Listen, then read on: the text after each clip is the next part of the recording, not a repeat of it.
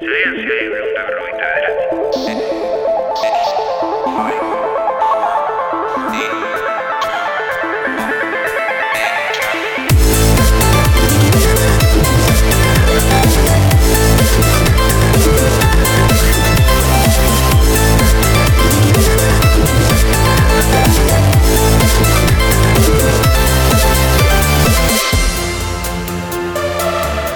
Ongietorriak e, urtarrieko programa tipiko batera e, egia esan da, ba, bueno, e, ja mm, gabonak pasata urtearen lehenengo ekitaldiak eta aurkezpenak pasa ditugu eta, e, bueno, e, lautada txiki bat izango dugu e, aktivitatea bueltatzen den arte ziurrenik e, martxoan.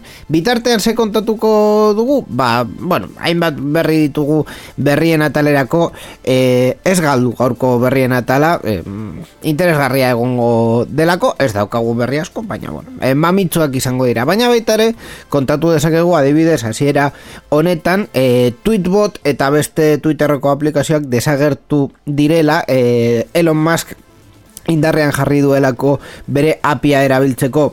Araudi berri bat ez dakigu konkretuki nondik atera duena baino e, badirudi e, ba bueno e, duela ja urte asko hor zegoela baina aplikazioak ez zituzten e, araudi hori bete eta haien erantzuna izan da e, mastodonera pasa. Adibidez Tapbots kompainia Twitter, Tweetbot aplikazioa egiten zuena Tweetbot itxi eta esabatu e, denda guztietatik eta e, e, bueno, martxan jarri du kaleratu du ibori e, mastodoneko e, bueno, e, hainbat instantzietan e, parte, part, parte arrizateko e, aplikazioa momentu honetan betan dagoen aplikazioa bada, baina bueno, e, alternatiba hori ere aplikazioetara heltzen ari da. Ez bakarrik erabiltzaileak, baita aplikazioak ere Twitterretik joaten ari dira. Hauek izango dira, ba, bueno, gauza, beste gauza batzuen artean, gaur sarean zearen komentatuko ditugunak. Irratza jo hau Creative Commons aitortu ez komertziala partekatu berdin lau puntu zero nazioarteko lizentziarekin banatzen da. Horrek esan nahi du gure idukiak nahi beste partekatu ditzazkezula. Informazio gehiago nahi baduzu josarean zehar.eus webgunera.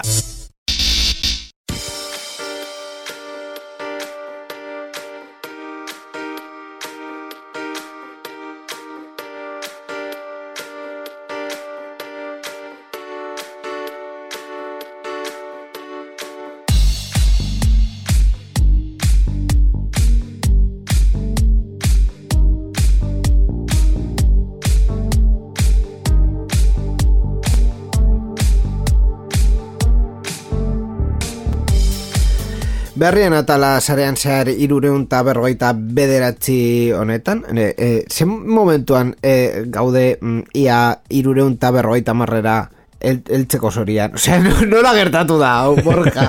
A ver, ez dut... Kaixo inigo, hau, bila eta hogeita iru garren urtea da, eta e, daramagu mm, amairu urte sarean zehar egiten? Eh, amai, eh, am, amabi, amabi terdi. Bueno. Amabi terdi, amairu denboraldi. Bai, nahi, nahi duzuna. Amairu de denboraldi hemen. Eh, Eitu? hemen, hemen ni. Zu, eh, esain beste, baina- Bakarrik, bakarrik. Amar, bueno, bederetzi terdi. Bueno, ba, ni- niri kendu eunta amar programa, eta Bai. nire kasuan izango da berreunda hogeita emeretzi, berreunda hogeita mazortzi. Enta amabi programa kendu behar dizki, dizkizut. Bai, gutxi gora bera. En fin, eh, bueno, eh, gaurkotasunean zentratuko gara eta konkretuki eh, aste hauetara, hauetan eh, sortu diren berrietan eta berri, bueno, mm, berri hauek mm, egia esan da nahiko dibertsitatea daukate, ez dira asko izan, baina gai batzuk daukagu hemen eh, komentatzeko, adibidez, eh, zu aukeratuko duzu zein izango den lehena, badaukagu, eh, E, komediaren kluba, bueltan da programa honetan, Polizia Nazionalei buruz hitz egin dezakegu, e, Google'i buruz, e, Google Microsoft eta kaleraketei buruz. Kaleraketei buruz orokorrean. Bai, eta, e, bueno, e, adimen artifizialari buruz ere daukagu berri bat. Bluf, bueno, mm, beitu, azteko uste du klasiko batekin hasi beharko garela, ezta? Komediaren kluba, ez daki zenbat denbora dara matza hemen de, mm, programa honetan ez dela sartzen. Ez duzu zinetziko, baina ez daukat eh, musika. Oh! Beitu, justu momentu hontan utzi zaitut ba, txartu. Eta e, gainera ez, ez, ez daukat pentsatuta ere e, izenburua. Orduan, badakizu komedian kluban e, Gaur- izenburua- Ba hori, ez daukat pentsatuta. Orduan, sintonia badaukat. E, Emango diot, eta ber Hemen ze gerta daiteken. Komediaren kluba Gaur ez duzu programa hau ikusiko definizio altuan. Gonbidatu berezia Nadia Calviño. Eta gure betiko artistekin Borja Arbosa eta Inigo Sendino. Komediaren kluba. Zarean zearen. Gehiag ez da Bueno, gustatu zaitu, gustatu zait, bar, barkatu, eh, baet, ez, ez dago gaizki. Ez dago gaizki ez da Bueno, eh, komediaren kluba honetan pizkan luzetxo egin dut egia da Baina komediaren kluba honetan berezia eh, atal hau bueltan daukagulako Kontatu behar dugu derrigorrezko definizio altuko lurreko telebista digitala eh, 2008 eta laurako atzeratuko da konkretuki 2000 eta hogeita lauko otxaiaren amalaurako. Wow, justu mm, aukeratu maitemenduen dute. egunean. Bai, egun oso polit bat sartzeko lurreko telebista digitala. Bueno, lurreko telebista digitala jadanik ja, ze bat mm, urte daramagun, ja ez, ez dut eh, kontaketa galdu dut, baina kasu honetan eh, HD deitzen den eh, telebista, derrigorrez emisioak eman beharko dira, eta ez SD formatu zaharrean. Hori da, 2008ko urtarriaren batetik aurrera HD definizio altuko telebista derrigozka izango zela uste zen, baina azkenean gobernuak plan hori atxeratzea erabaki du. Ministro Kontxilloak lorreko telebista digitalaren beter beharrak aldatzen duten errege, eh, errege dekretua onartu du epe berri hau, e, 2008 lauko txaiaren amalaua izango da, e, kontatu dugun bezala, ba urte bete baino pizkat e, gehiago. E, gobernuak azaldu duenez, e, bereizmen handiko re- derrigorrezko, e, bereizmen definizio, altuko derrigorrezko e, lurreko telebista digitalaren atxerapena, telebista aparatu guztiak e, DVB-T2 e, estandarra egokituta ez egotea da, hau da, e, atzerapen hau e, izango da e, teknologia berri hau momentuz ez dagoelako e, haiek nahi duten baino e, e, edatua. Hau da, hobeto esan da ez daudelako hainbeste pertsonak HD telebista bat daukatenak eta teletubo oraindik A ver, konkretuki ez, ez da eh, HD telebista baizik eta eh, seinalea jasotzen duen aparatua DVB-T2 estandarra e, jasatea. Eta konkretuki estandar hori mm, duela ja urte asko jarri zen martxan, baina ez da oso ohikoa batez ere E, Bai, uste bueno. dut 2000 eta malautik atxera saldu ziren aparatu horretan. Pi- Pizka bat historia, historia jarriz, eh, gogoratzen dut lurreko telebista digital atera zen lehenengo momentuan behar zenun bakarra dekodifikatzaile berezi bat zen. Bai. Momentu horretan dekodifikatzaile bat erosi eta ja zure tele zaharra nahi zaharra nahi zenuna, oraindik baina eh, jasan alzenun eta ikusi alzenun lurreko telebista digitala. Orduan, lehenengo eh, eh, nuz agertu zen, 2000 eta margarren urtean egin zuten apagoia Bai, 2000 eta margarren Zatikizun urtean digitala eta zen guztia. Lehenengo eh, Apagoi, bai, itzalera, itzalera, analogikoa itzalera, e- bai. Eta gero egin zen lehenengo zatikizun digitala eta Baina bigarren. momentu horretan zure mm, konponbide mm, nagusia mm, dekodifikatzaile hori erosi eta zure tele zaharrarekin oraindik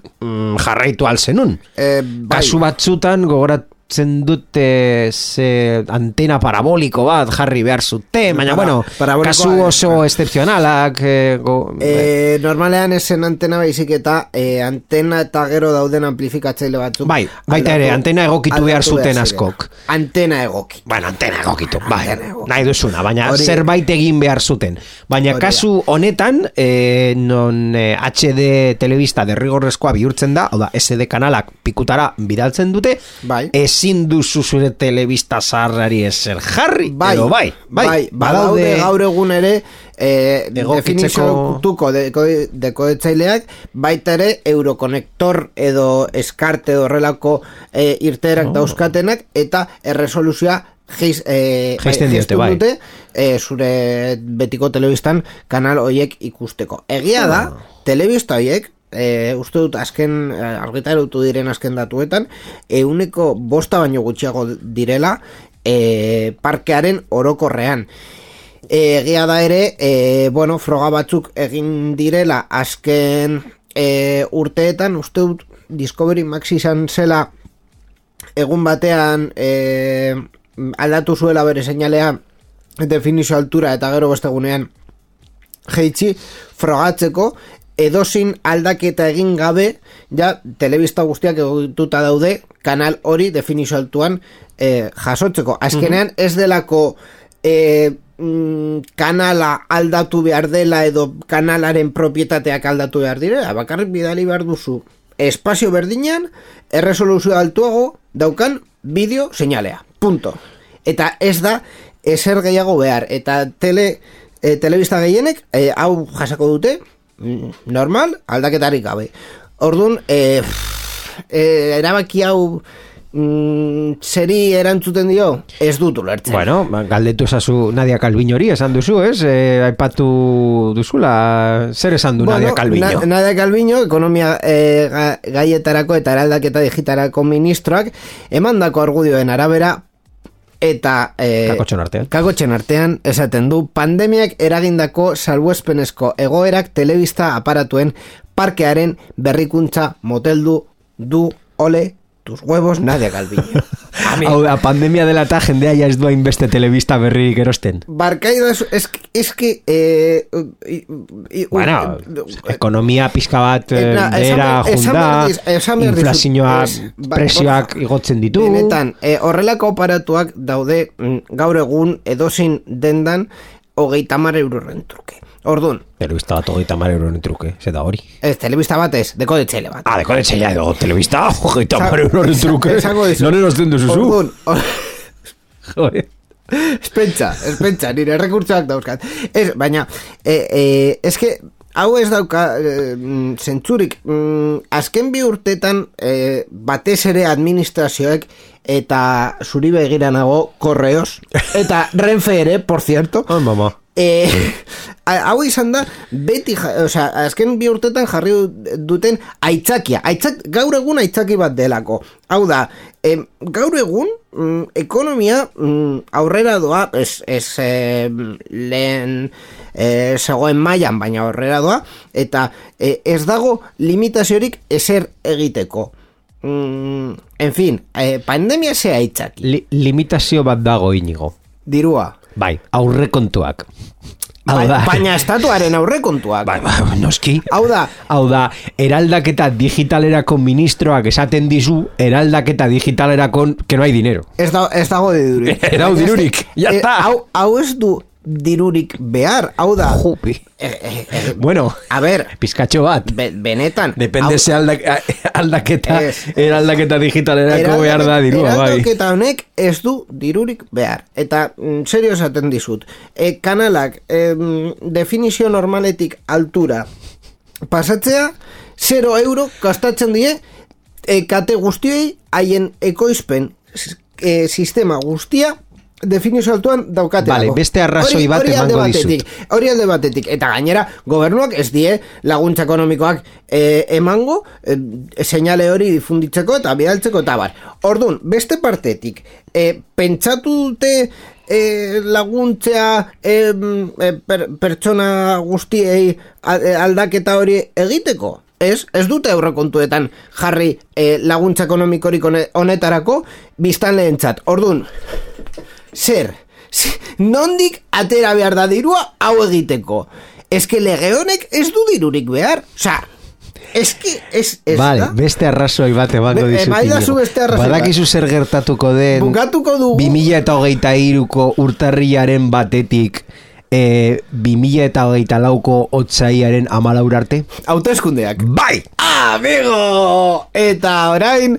Eh, Eta marroi hori ez dute jan nahi. Vale. Eta Baina, ja. Es que, es que, es que ez da marroia, egia Eh, esan. bueno, Bueno, eh... Hau da, teletubo mierda dauzkatenak baita ere boskatzen dute, eta imaginatu zu hauteskundeak emango diren bitartean urte horretan, beren telebista ez duela funtzionatzen.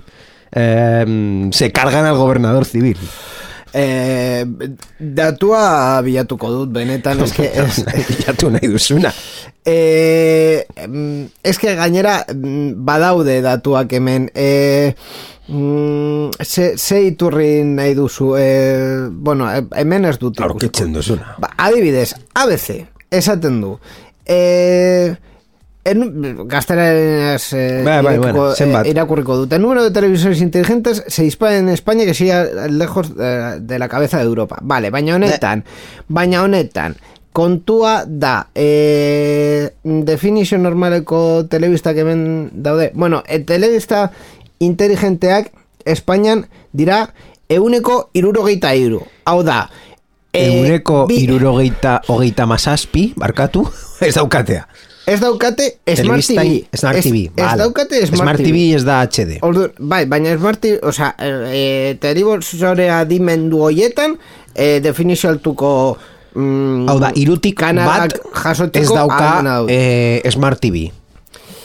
e, irutik bai, irutik bat ez daukate Smart TV. Eta hoien artean, claro, eske ge- hori eh, da e, ustaieko 2022ko ustaieko berri bat, gero beste Bueno, berri batzuk ez dago adi- daude adibidez 2006koak.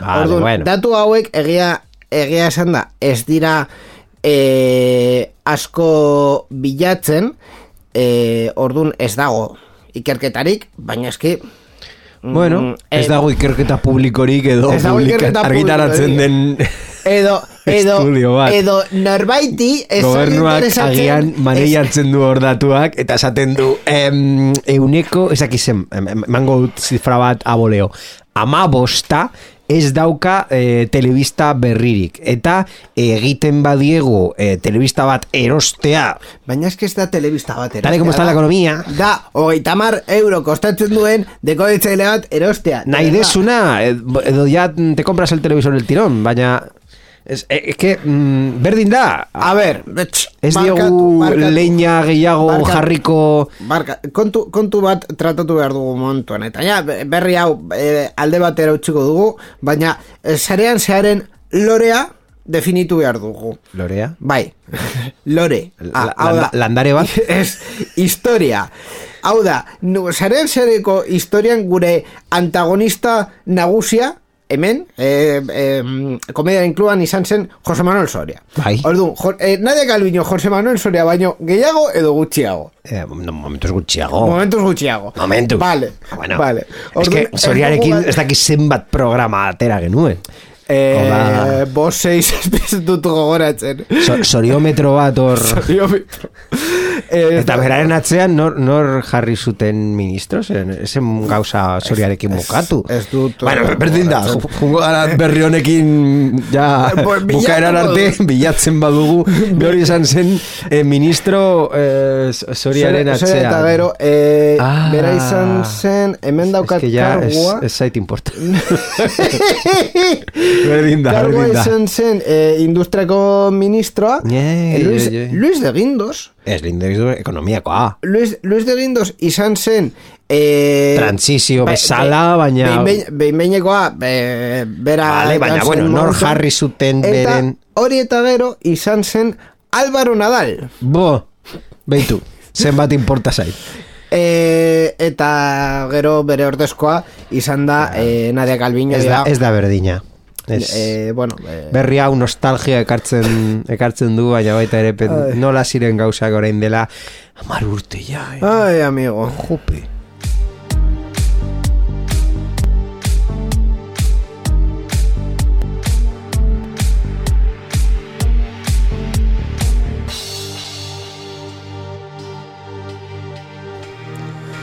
Bueno, Borja, kaleratzei buruz hitz egitea nahi duzu. Bueno, ba bai, hitz egin beharko da berri importante bat dela sektore teknologikoan eta batez ere e, konpainia handietan. Bai, eh, bat, batez ere eta gauza guztien artean eh, milaka kontatzen dutelako hemen ja eh, kaleratzeak. Eh, gure bi protagonistak izango dira Google eta Microsoft konkretuki Alphabet Googleen matrizeak. Amabi mila lanpostu inguru kenduko ditu mundu osoan plantillaren euneko zeitik gertu dagoen zifra baldintza ekonomikoen ahultzeagari aurre egiteko. Bestalde Microsoftek amar mila lanpostu inguru murriztuko ditu. Plantillaren euneko bosta baino pizka bat gutxiago.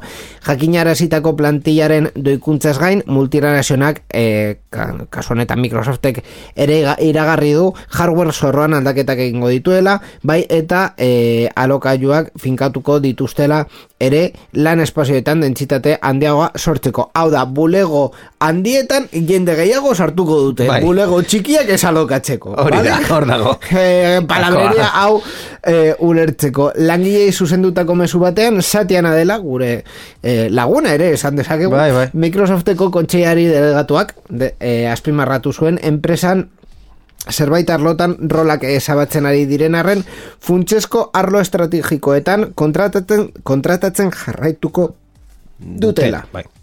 E, horrela, Microsoft izango litzateke plantian murrizketa nabarmena iragarrin duen azken edo azken aurreko enpresa teknologikoa Amazon Meta, Salesforce edo Twitter e, iragarritakoen ondoren. Edo Spotify, jar, Edo eh, Spotify jakin dugula ere. baita ere, beren euneko zeiaren gutxi gora bera guztia, Plantilla kaleratuko dutela, Bai. baina horiek bakarrik dira zireun. bakarrik. e, milaka ez baditugu kontatzen, egia da, ba hori, e, zifrak e, egiten baditugu, e, Microsoften e, berreun mila pertsona baino gehiago lan egiten dute mundu osoan. Berreun mila pertsona baino gehiago. Osa, berreun mila pertsona e, Donostiren, gazteiz pika Gasteiz gehiago, erdia. baina Gasteiz erdia. Donosti guztia. Donosti guztia. Orduan, pentsa zenbat per, e, pertsona egiten duten, orduan, claro, e, azkenean o, doikuntza txikiak egin behar direnean, txikiak egin behar direnean Microsoften, ba, dira, milaka. Milaka.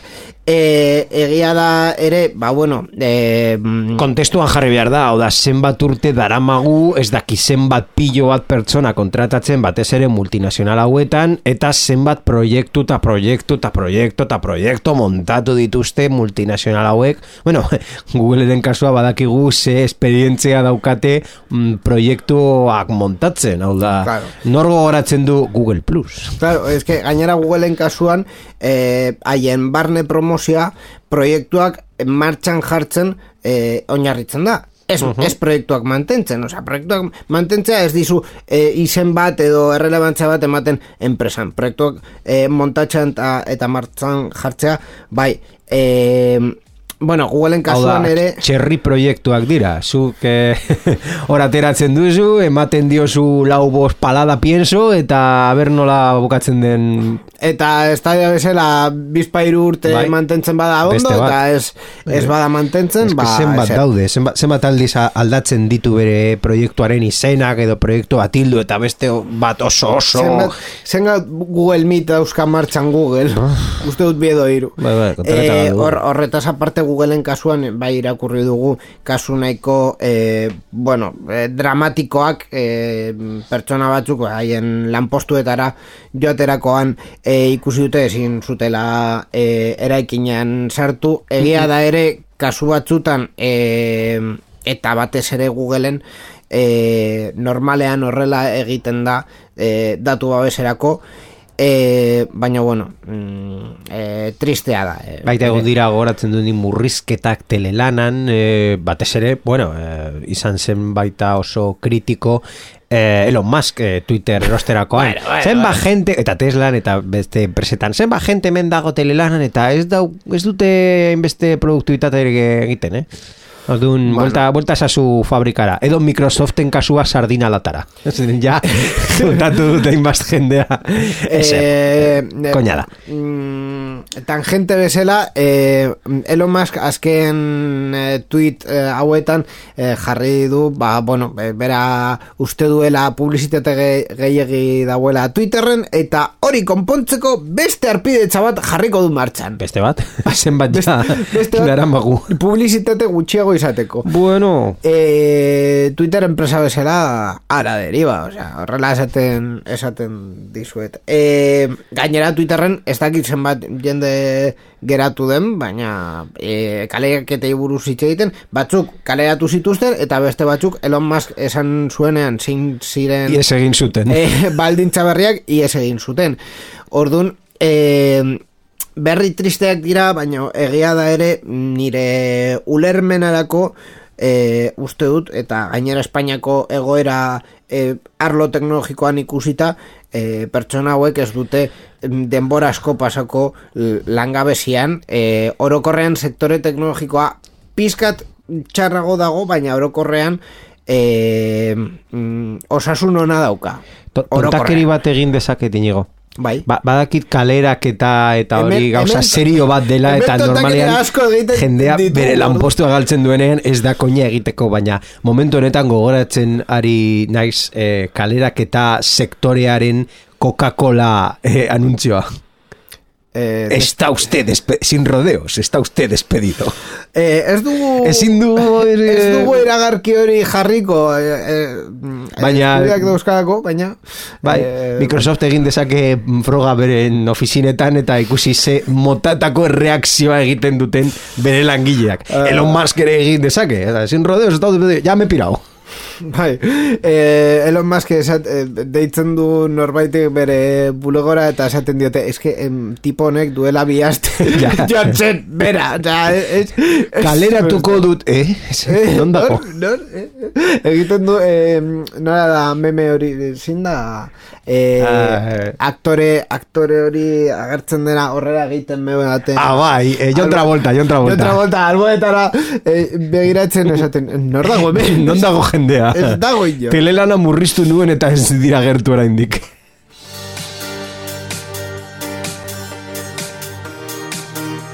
Begira, Borja, ez, ez dugun ez, eser serio hartuko gaur, ja, Ah. eh, dekatuta gaudelako eta txantxetan gaudelako, Polizia Nazionalari buruz hitz egingo dugu. Bueno. Venga, eh, konkretuki, eh, barrizal oso sakon batean sartu direlako Polizia Nazionalak eta Guardia Zibilek abiz izeneko aurpegi azterketa sistema erabiliko dutelako aurten. Dirudienez, sistema horrek polizia lana errastuko du, baina zarantza ugari sortzen e, ditu adituen artean. Agentek pertsona baten argazkia eman e, emango diote sistema honi eta sistemak pertsona horren aurpegiko ezaugarrietan patroi bat detektatu ondoren datu basean gordeko dute e, patroi horri jarraitzen dioten irudiak. Hau da, e, e, em, poliziak bere eskura dauzkan kamera guztian, aztertuko dituzte aurpegiak eta patroi horrekin bat egiten dituztenak, izango dira gordeko direnak. Aurpegia ezagutzeko sistema beste herrialde batzuetan ere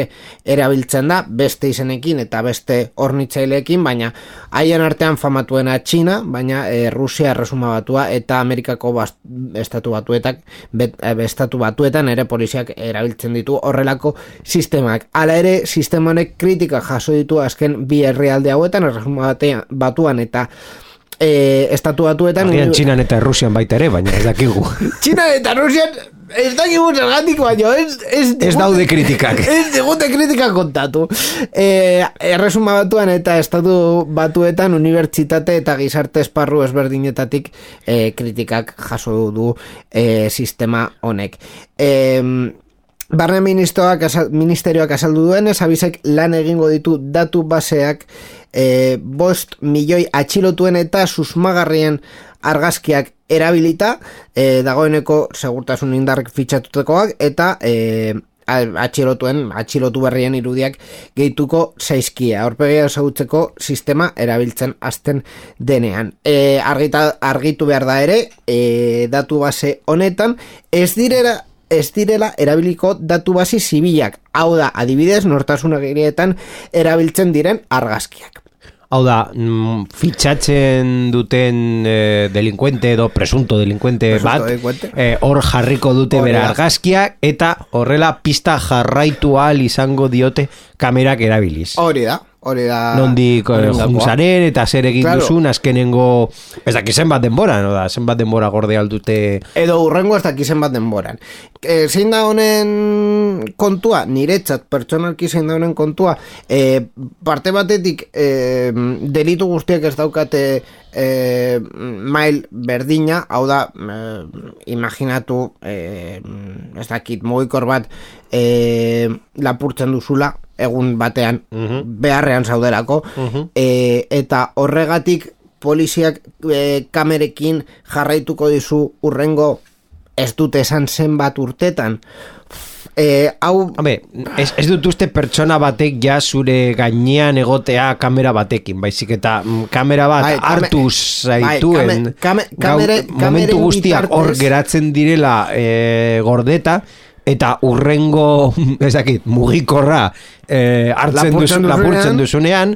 e, kamera batek detektatuko du mm, ez momentuan, baina bueno, salaketa mm, e, Egiten denean, egiten denean ikus, ikusiko dizute agian mugikorra lapurtzen ez daki depende don dagoen kamera hori eta non zauden zu baina bueno e, eta ja horre, horrekin lortuko dute mm, agentea jakitea zer gertatu den claro, agian eh, zuk ez duzu mugikorra hor gordetzen baizik eta konplize bati pasatzen diozu Mm, hori modus operandi nahiko famatua da batez ere mm, hiriaren zentrotan es, es, esan aipatu duzu erresuma batua adibide moduz eta erresuma batua erabiltzen du hiri zentroetan eta baita ere Nueva York ikuste dut eh, hiri zentroetan jartzen du eh, horrelako kamerak Claro, baina, baina honen kontua azkenean da, e, zein dira, zein dira e, sistema hauek erabiltzeko e, irizpideak. Mm. Eta azkenean, e, hau da, e, ez, ez da teknologiaren kontua, baizik eta e, polizia eta e, mm, estatuaren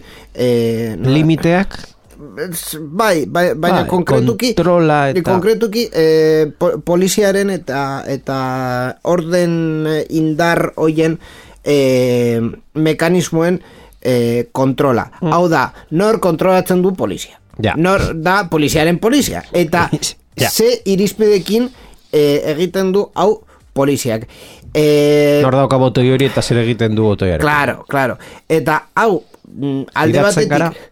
Claro, hau alde batetik eh, ar, mm, argumentoa beti da hori argitaratzen bada eh, sistema eh, segurtasuna galtzen duela, beste partetik eh, hau uste dut oso garrantzizkoa dela gure eskubideak jakiteko eta jakiteko sistema honek ze kasutan grabatuko du nire aurpegia mm, aunque pasado por, por una comisaría eta eta delitu bat Bueno. egin dudan arren ni be, pertsona bezala nire eskubide guztiak mantentzen ditut. Osea, Ai, eske, eske asko, asko... Soiekin baitege emaitzak, imaginatu jartzen dutela, mm, adibidez, hemen e, Bilbon, imaginatu jartzen dutela kamerak e, Bilboko zentroan, abandoko distritoan, eta mm, Bai. non gertatzen diren lapurreta gehienak, zergatik, Bai. ba, jende asko dagola hortik pasatzen, turistak eta bar. Eta e, kamera hori jarrita gero, urte bat pasata, estadistikak esaten dute, ja, e, justo leku horretan, murriztu direla, mm, euneko laro amar, e, lapurretak, adibidez. E, jendeak esan dugu, oh, ze, oso ondo, kamera gehiago jarri. Agian ez dira murriztu orokorrean, baizik eta murriztu dira kale Bakarrik gune horietan. eta e, gune horietatik kanpo e, jarraitzen dute egiten berbera. Ordun esango esango dute, ba, ordun kamera gehiago jarri eta baita ere em, e, ba, no, non bukatzen da ze, ze mm, publizitatea ematen diogu horrelako mm, Sistema. Claro. Eh, eske gainera, mm, hau ere ez da teknologiari buruzkoa, baina eh, Bai, bueno. or- or- orokorrean, hau orain komentatuko dudana, orokorrean eh, epaiketa sistemak eh, vitalki asko estresatzen nau. Hau da, eh, ba- bai, baina horrela da, ez, mm, orokorrean uste dut Espainian ez dela ulertzen e, mm, pertsona batek e, atxilotuta egotea ez duela esan nahi bere eskubideak ez dauzkala, hau da, e, ba, ba, eske zurekin gainera askotan komentatu dut. E, kartzelan egotea ez du esan nahi e, bigarren mailako e, biztanle bat izan behar zarela, eta ez daukazura eskubideik, eta hor e, mm, pudritu behar zarela e, zure bizitza zorako. Osea, mm, Espainian sistema hau ez da ez, ez du honetarako balio bain, ba, ba, ez ere konstituzioan jartzen duelako Bai. Orduan, e, horrelako neurriak jartzea e, op, opakotasun guztiaz eta e, e, gardentasun hori ez daukaten neurriak e, jartzea e, benetan vitalki estresetzen da. Osea, eske mm, benetazko e, mm, keska sortzen dit horrelakoak e, egotea. Bai, baina, bueno, baita ere jendea sekurtasuna asko baloratzen du, baita ere azkenengo urteetan esaten da e, sekurtasun maila jeitzi dela, edo delitu gehiago gertatzen diren, adibidez, e, lapurreta kasuan, e, aipatu dezakegu. Baina galdera da zergatik, hau da, lapurrektak Ez, ez bakarri zergatik, nola konpondu. Baino, baino eh, hemen ulertu behar den lehenengo puntua da zergatik gertatzen den hori. Hau da, zerk eramaten du pertsona bati eh, lapurreta hori egitera. Eta hori konpontzen bada, ez dugu segurtasun ne- neurrik behar. Bueno, Eta bai, hori, eta konpondu hori- alba da. Hau da, la, eh, lapurretak ez gertatzeko Kasu- kasu- guztiok badaukagu, ez da, ez, ba, esango dut, errenta minimo bat, adibidez, edo guztiok badaukagu etxea eta errenta minimo bat, edo etxea lanpostua eta errenta minimo, A Hori posible da lortzea. Kasu, asko, kasu askotan, eh, mm, eh, mm, be, mm, azkenean, eh, per, pertsona eh, delituak egiten dituzte, orokorrean, batez ere lapurretak, konkretuki, Batez ere lapurretak. eh, behar ekonomiko bat daukatelako. bai. Orduan, bueno. eh, ikusi behar da, nondik eh, dator behar ekonomiko hori. Zergatik dago pertsona hori egoera horretan lapurreta bat egiteko. Kamera bat jartzea ez du hori konpontzen. Eta azkenean, e, kaso askotan komentatu duguna, teknologia erabiltzea eta eh, teknologia hauek oso super guai daude, e, puntaskoak direlako eta gainera e, garapen oso handia egiten egiten da eta hori lanpostuak sortzen ditu eta bar, baina eske teknologia hori erabilera horretarako agian ez da aproposena. Bueno, zuk aipatu duzu delitu bat kasu honetan oso konkretua eta agian bere leku oso eh, espezia dauka e, zerbitzu sozialetan, baina eh, beste delito bat edo beste kasu bat dira urruntze aginduak adibidez, eh, epaiak ematen duen urruntze agindu bat biktima babesteko eta kasu batzutan ez direla errespetatzen. Bale, ba ordun, ba ordun, e, gure estatuak egin Hor, hor batzuk eskatzen dute ez biktima baizik eta hor eh, jasotzen duen urrun, per, urruntza egindua jasotzen duen pertsonak Bai. lokalizadore pultzera batera matea hori ja agian gehiagizkotasun bat dela oso invasiboa baina bueno horre, horre konponduko luke Vale? arazoa Ba, ba ordun, e, Edo ez, depende zenbat mm, Erabila hori ze kontsekuentziak dauka ur, urruntzea gindua ez betetzea. Hor, e, pultsera ez, mm, leher egiten du, e, hau e, Battle Royale balitz bezala, hau da. Eh, Claro, baina, baina eh, erabilera, hori, du? erabilera hori eman nahi badiogu sistema honi, uste dut ere, eh, kontatu behar dela, ez bakarrik esatea, eh, ja mm, fitxatuta dauden bos milioi pertsona hoien eh, aurpegia jarriko diren, baizik eta esatea, begira, kasu hauetarako, hau da, delitu hau, hau, hau eta hau, egin dituzten pertsonak datu base honetan sartuko dira, eh, delitu hauek ekiditu nahi ditugulako. Gardentasuna, Bai. azken finean. Bueno. Eta baita, eta baita ere beste gauza bat, zuk esaten duzu nor dauka poliziaren kontrola, baina gaur egun nor dauka kamerarik gabe poliziaren kontrola, gaur egun polizia bat esan dezakezu e, infrakzio nahi duzun bat e, egin duzula, eta zu ez badaukazu frogarik kontrakoa frogatzeko bere hitza Iz, izuna jaten dut. Izuna jaten duzu, hau da, norkentzen die botere hori. Batzuk Claro. esaten dute, ah, bueno, ba, kamera, adibidez, kotxea, trafikoko e, infrakzio bat bada. Ba, kotxean kamera bat eraman, eta hor, trafikoko agenteak esaten baduzu, hor, estopa gainditu duzula, eta ez baduzu gainditu, kamerak hor e, jasotzen du. Claro, baina gainera zure sistema propioa bada eta ez bada homologatuta eta ez dakitzen badakizer, epaitegi batean ez du du esertarako balio. E, eta gainera, bihurtzen gara, e, estatu batuetan edo Errusian gertatzen den bezala, guztiok kamera bat eraman behar dugula, e, gure kotxean, e, ba, mm, diru iruzurrak sortzen direlako e, seguruengan, eta bar, hombre, e, horrelako gizarte batean bizi nahi, gar, nahi dugu? Gutxienez arma berdintasuna, ez? En fin. Eh, en fin.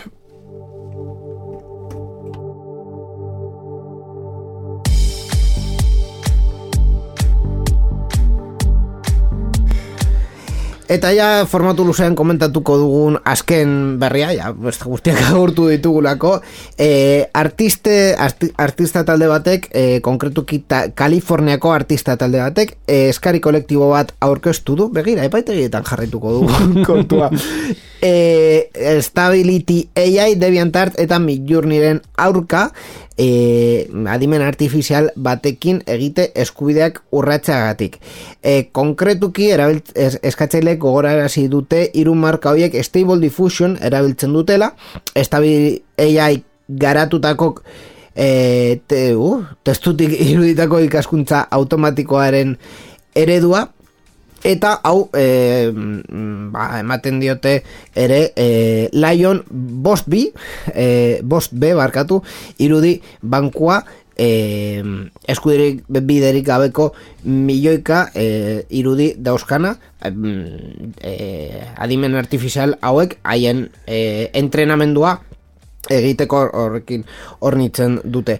Alde horretatik eskatzaileek alegatu dute datu base horrek e, horrek egile eskubideak dituzten sorkuntzak ere biltzen dutel dituela.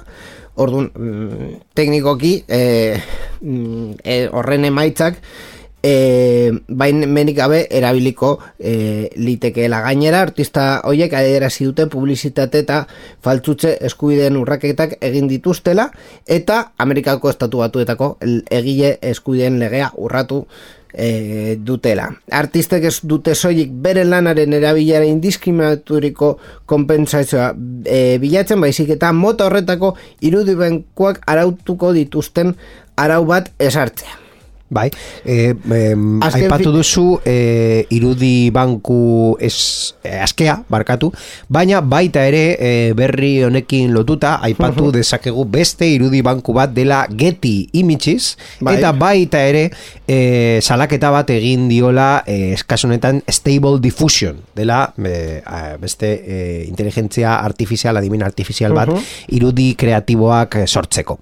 Claro, azkenean kontua da e, adimen hauen emaitzak eskubiak dauzkaten beste irudietara gerturatzen badiren edo, edo ez, eta hau nahiko Bai. polemikoa izan, izan daiteke Deviantart ere hor dago Bai, baina, bueno, debian arkatearen azken aktore bat da, non hor, ba, bas, basikoki publikatzen dira, Argitaratzen dira. argitaratzen dira, Irudi horiek. irudi horiek, eta ja. Orduan, debiantarten kasuen, ikusi behar da, e, plataformak e, eskubideen kontra egin behar badu edo ez, e, Twitterren edo YouTubenen kasuan, baina uste dut mm, kasu honetan interesgarriena izango lirateke e, adimen artifiziala kontrolatzen dituzten enpresek ere kontrolatu behar badute adimen artifizial hoien emaitzak copyright daukan zerbaitekin bat egiten duten edo ez. Eta hori ere oso galdera ora da, ez?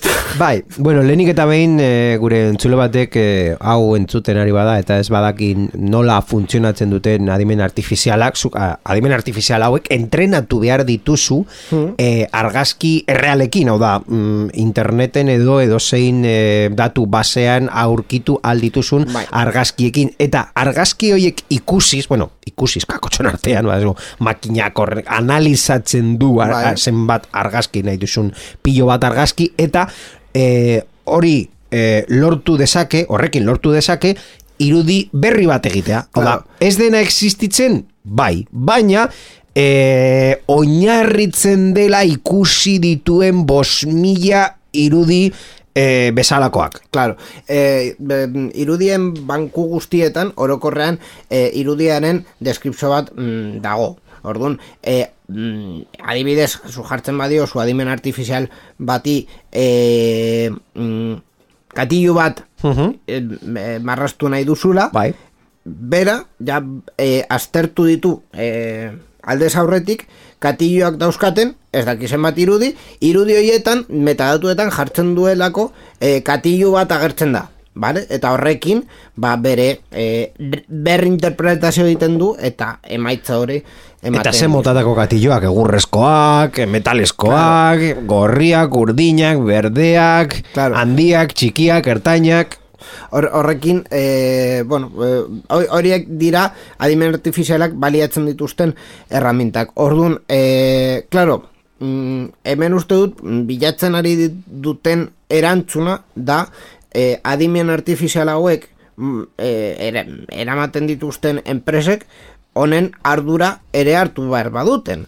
Hau da, haiek ere esan behar baduten, bale, e, adimen artifiziala erantzun hau eman du, baina e, filtratuko dugu copyright e, dauzkan irudiekin konparatzeko eta edozen gauza ez e, emateko. Claro, e, prozesu horretan zenbat prozesamendu ere e, egin behar da. Edo kasuz kasu. E, adimen artifizialak kasu bakoitzean eta gainera e, gauza bat, batez ere iru- irudiak sortzen dituztenak, gauza bat e, birritan edo irutan eskatzen diozunean gauzaz berdin sortzen ditu. Testuko adimen artifizialak esain beste, baina irudikoak normalean, bai, zu jartzen dio zu katilloa nahi dut, bai, ba- batean katilloa urdina izango da, beste, kati- beste batean berdea, bestean gorria, ordu, eh, Baina, beitu kate guzti honen puntu makala, deitu dezakeguna da, nondik atera mm, al dituzun irudiak zure e, mm, inteligentzia adimen artifizial hau mm, entrenatzeko.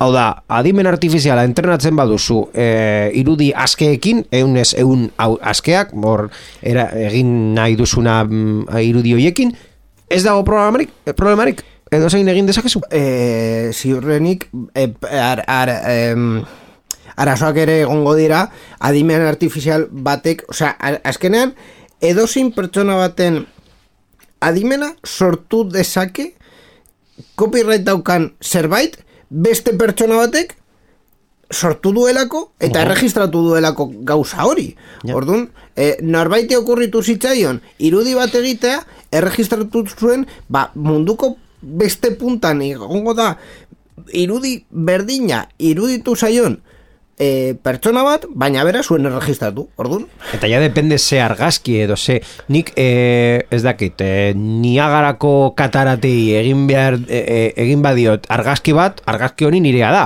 Baina e, argazki horrekin e, baina leku hori, leku hori izaten leku hori bai ni, hau- hori ez da nire nire jabetza. Hau da bakarrik argazki hori leku horret- horretakoa edo momentu batena leku horretan. Ze, ze punturaino esan dezakegu gauzak direla em, jabetza intelektuala. Bueno, eh, ez dakigu nola bukatuko den epai hau baina imaginatuko imaginatzen dugu epai oso mediatiko eta oso garrantzitsua izango dela. Zer eta hor eh, zer dagoen eh, En juego. Zer dago en jokuan. Bai. E, baina beste bat gauza bat esango dizut, epaiketa badago. Agian hauek hiru e, mm, e, Akordio bat? Akordio ekonomiko bat egiten dute eta listo. Hori ere izan daiteke. Bai, baina Eh, akordio ekonomiko bat baita ere esatea pizkat eh, arrazoia daukatela. Eh? ja, Ez que kasu honetan ez da dirua. Ez que Eh, kasu honetan kasu- ja da modelo bat. Kas- modelo kasu honetan- e, e, etorkizunerako modeloa. Kasu Hau da, honetan- ez da demanda bat galtzeko eta ez da demanda bat ez da ere akordio bat lortzeko. kasu honetan izan daiteke dirua, depende zein, zenbat que- diruari buruz que hitz egiten dugu. Hemen epaiketa oso simbolikoa da. Ez da galtzeko, ez da ez da ere akordio. Ni, ni, nire ustez, eh? ikusten dudan bezala. Era, eh, em, dirua baino gehiago simbolismo garrantzitsu bat dauka. Dena den, e, epaiketa badago eta emaitza bat badauka, ba hemen sarean zearen kontatuko dugu. Berri askarrak, sarean zehar. Eta berri askarretan, hainbat opedadek akordio bat lortu dute e, mm, datu babesarako e, Espainiako agentziarekin espama ekiditeko. Beitu, kompromiso bat hartu dute bai beren burua kontrolatzeko jardunbide txarren aur- aurrean. Ala nola, telefono bidezko spama, nahi ez den publizitatea, beren kortasun fitxategietan bidegabe sartzea, edo sim swapping bezalako praktiken aurrean. Emai, Eh, emai da zu mesedez izenak barre asko dine du darako. Movistar, 20, Obi, Orange, Barkatu, Jastel... Movistar OB20, Movistar. Vale, Jarraitu. Obi, o dos. Bai. Orange, Jastel, Amena, Simio, Simio, vale, Orange. Ah, Vodafone, hostia. Lowy, Vodafone. Oh no, Vodafone. baita. Ono, Más Móvil, Yoigo, Levara, Yamaya, Happy Móvil eta Pepefon. Vale, eh, más móvil. Hau da, eh, sektoreko en, lau enpresa handiek akorde bat egin dute eh, datu Bai. babeseko agentziarekin, datu babeseko agentzia por culo ez emate. bai, jokabideko da... Geldo egin egon da musika, baina ja, urrengo berrira pasatuko gara.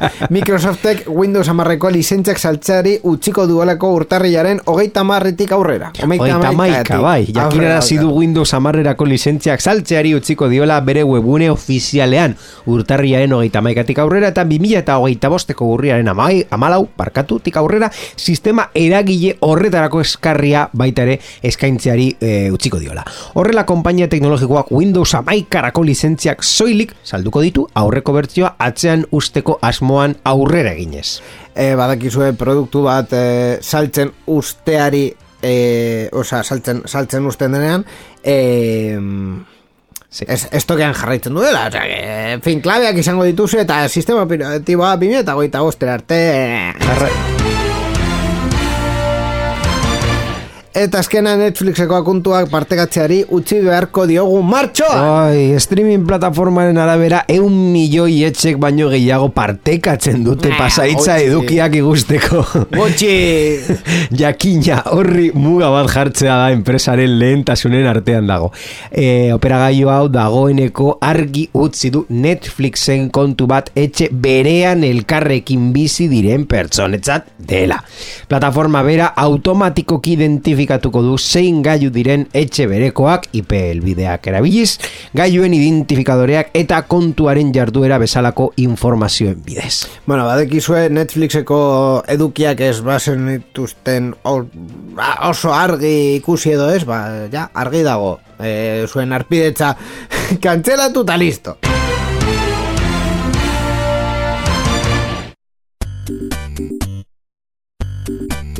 Titulol.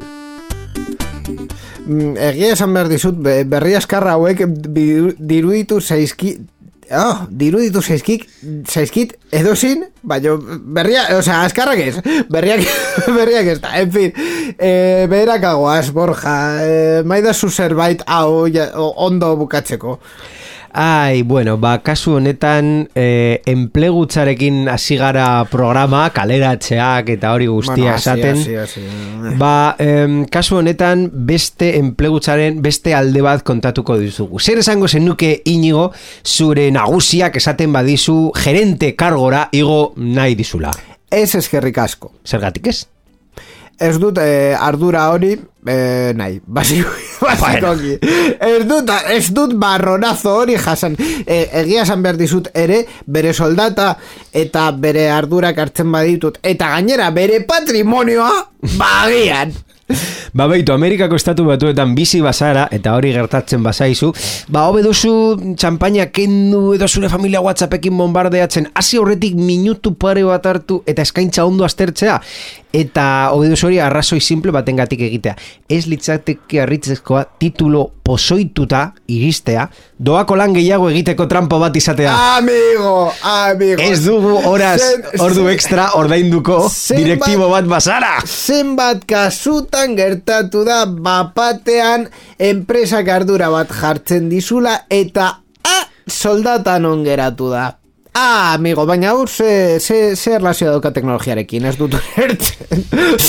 hau enplegu gurtietan gertatzen da. Ba, Bloomberg argitaratu duen arabera, hainbat enpresa teknologikoak sistema hau erabiltzen ari dira, ordu extra hoiek ez ordaintzeko.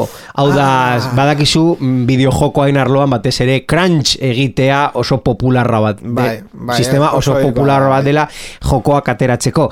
ba, e, mm, ikerketa bat bat eginez, Bloomberg atera du nola eh, sistema hori eh, hasi dira aplikatzen hainbat enpresak, noski eh, legeak saihesteko.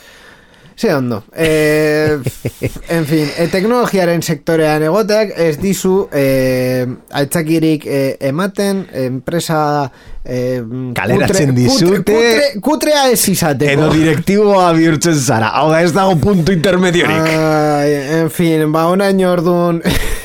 que, eh, berrien atalaren azken partea uste dut bera kada bat izan dela, así que ya hemen bukatuko dugu baita ere denbora agortu zaigulako borjar bos eskerrik asko eta horrengo arte.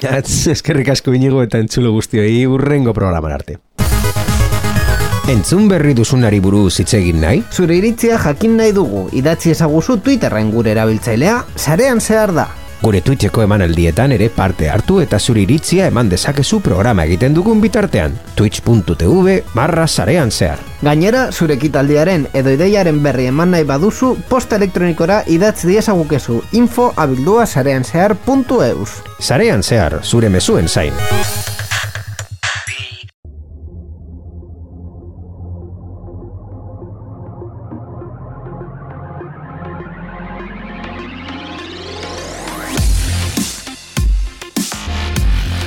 Ba, onain orduan sarean zehar iruneun eta bergoita bederatzi. Hau, e, azken partean pizka eta ataskatu gara hori esan behar dugu ere, baina bueno, e, uste dut, ba bueno, programa interesgarria izan dela, bete ze lehenko partean, komedia kluba eta bar, gustatzen zaigu horrelako, e, bueno, umorea egitea azkenean gurea dela e, berriak eta batez ere berri teknologikoak ez oso serio hartzea. Ikusi duzuelako programaren erdian serio hartzen baditugu baina e, depresioa e, izate dugu eta hau ez, ez da barregarria.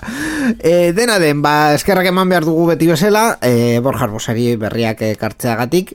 Bueno berriak jaz ditu bera ekartzen baina eskerrak ematen diogu. Bueno berriak komentatzeagatik bai e, hori hori bai egiten du mm, teorikoki programa honen edukien zuzendaria da. Ordu, bueno, e, bai, eskerrak emango diogu dena den. Baita ere Mikel Carmonari hor e, daukadana berrikuspen teknikoan eta ekoizpenean eta dena delakoetan e, baita ere askaria ematen ere berdena hemen egiten du Mikel Carmonak eta baita ere erreteetan dauden teknikari eta ekoizpen taldei haiek ere e, programanen ezinbesteko parte direlako irratietan entzuteko aukera ematen dizueterako, basikoki, bueno, gu hori irratietan gaude, baina haiek egiten eh, lan hori egiten dutelako. Urrengo saioa, irureunta berrogeita marra izango da, berezi izango da, ez dakigu. Benetan, ez dakigu. Zerbait berezi egingo dugu, Euskalo, entzun berko duzu urrengo programa hori jakiteko bitartean, ba eskerrik asko saio entzutagatik eta urrengo arte, agur!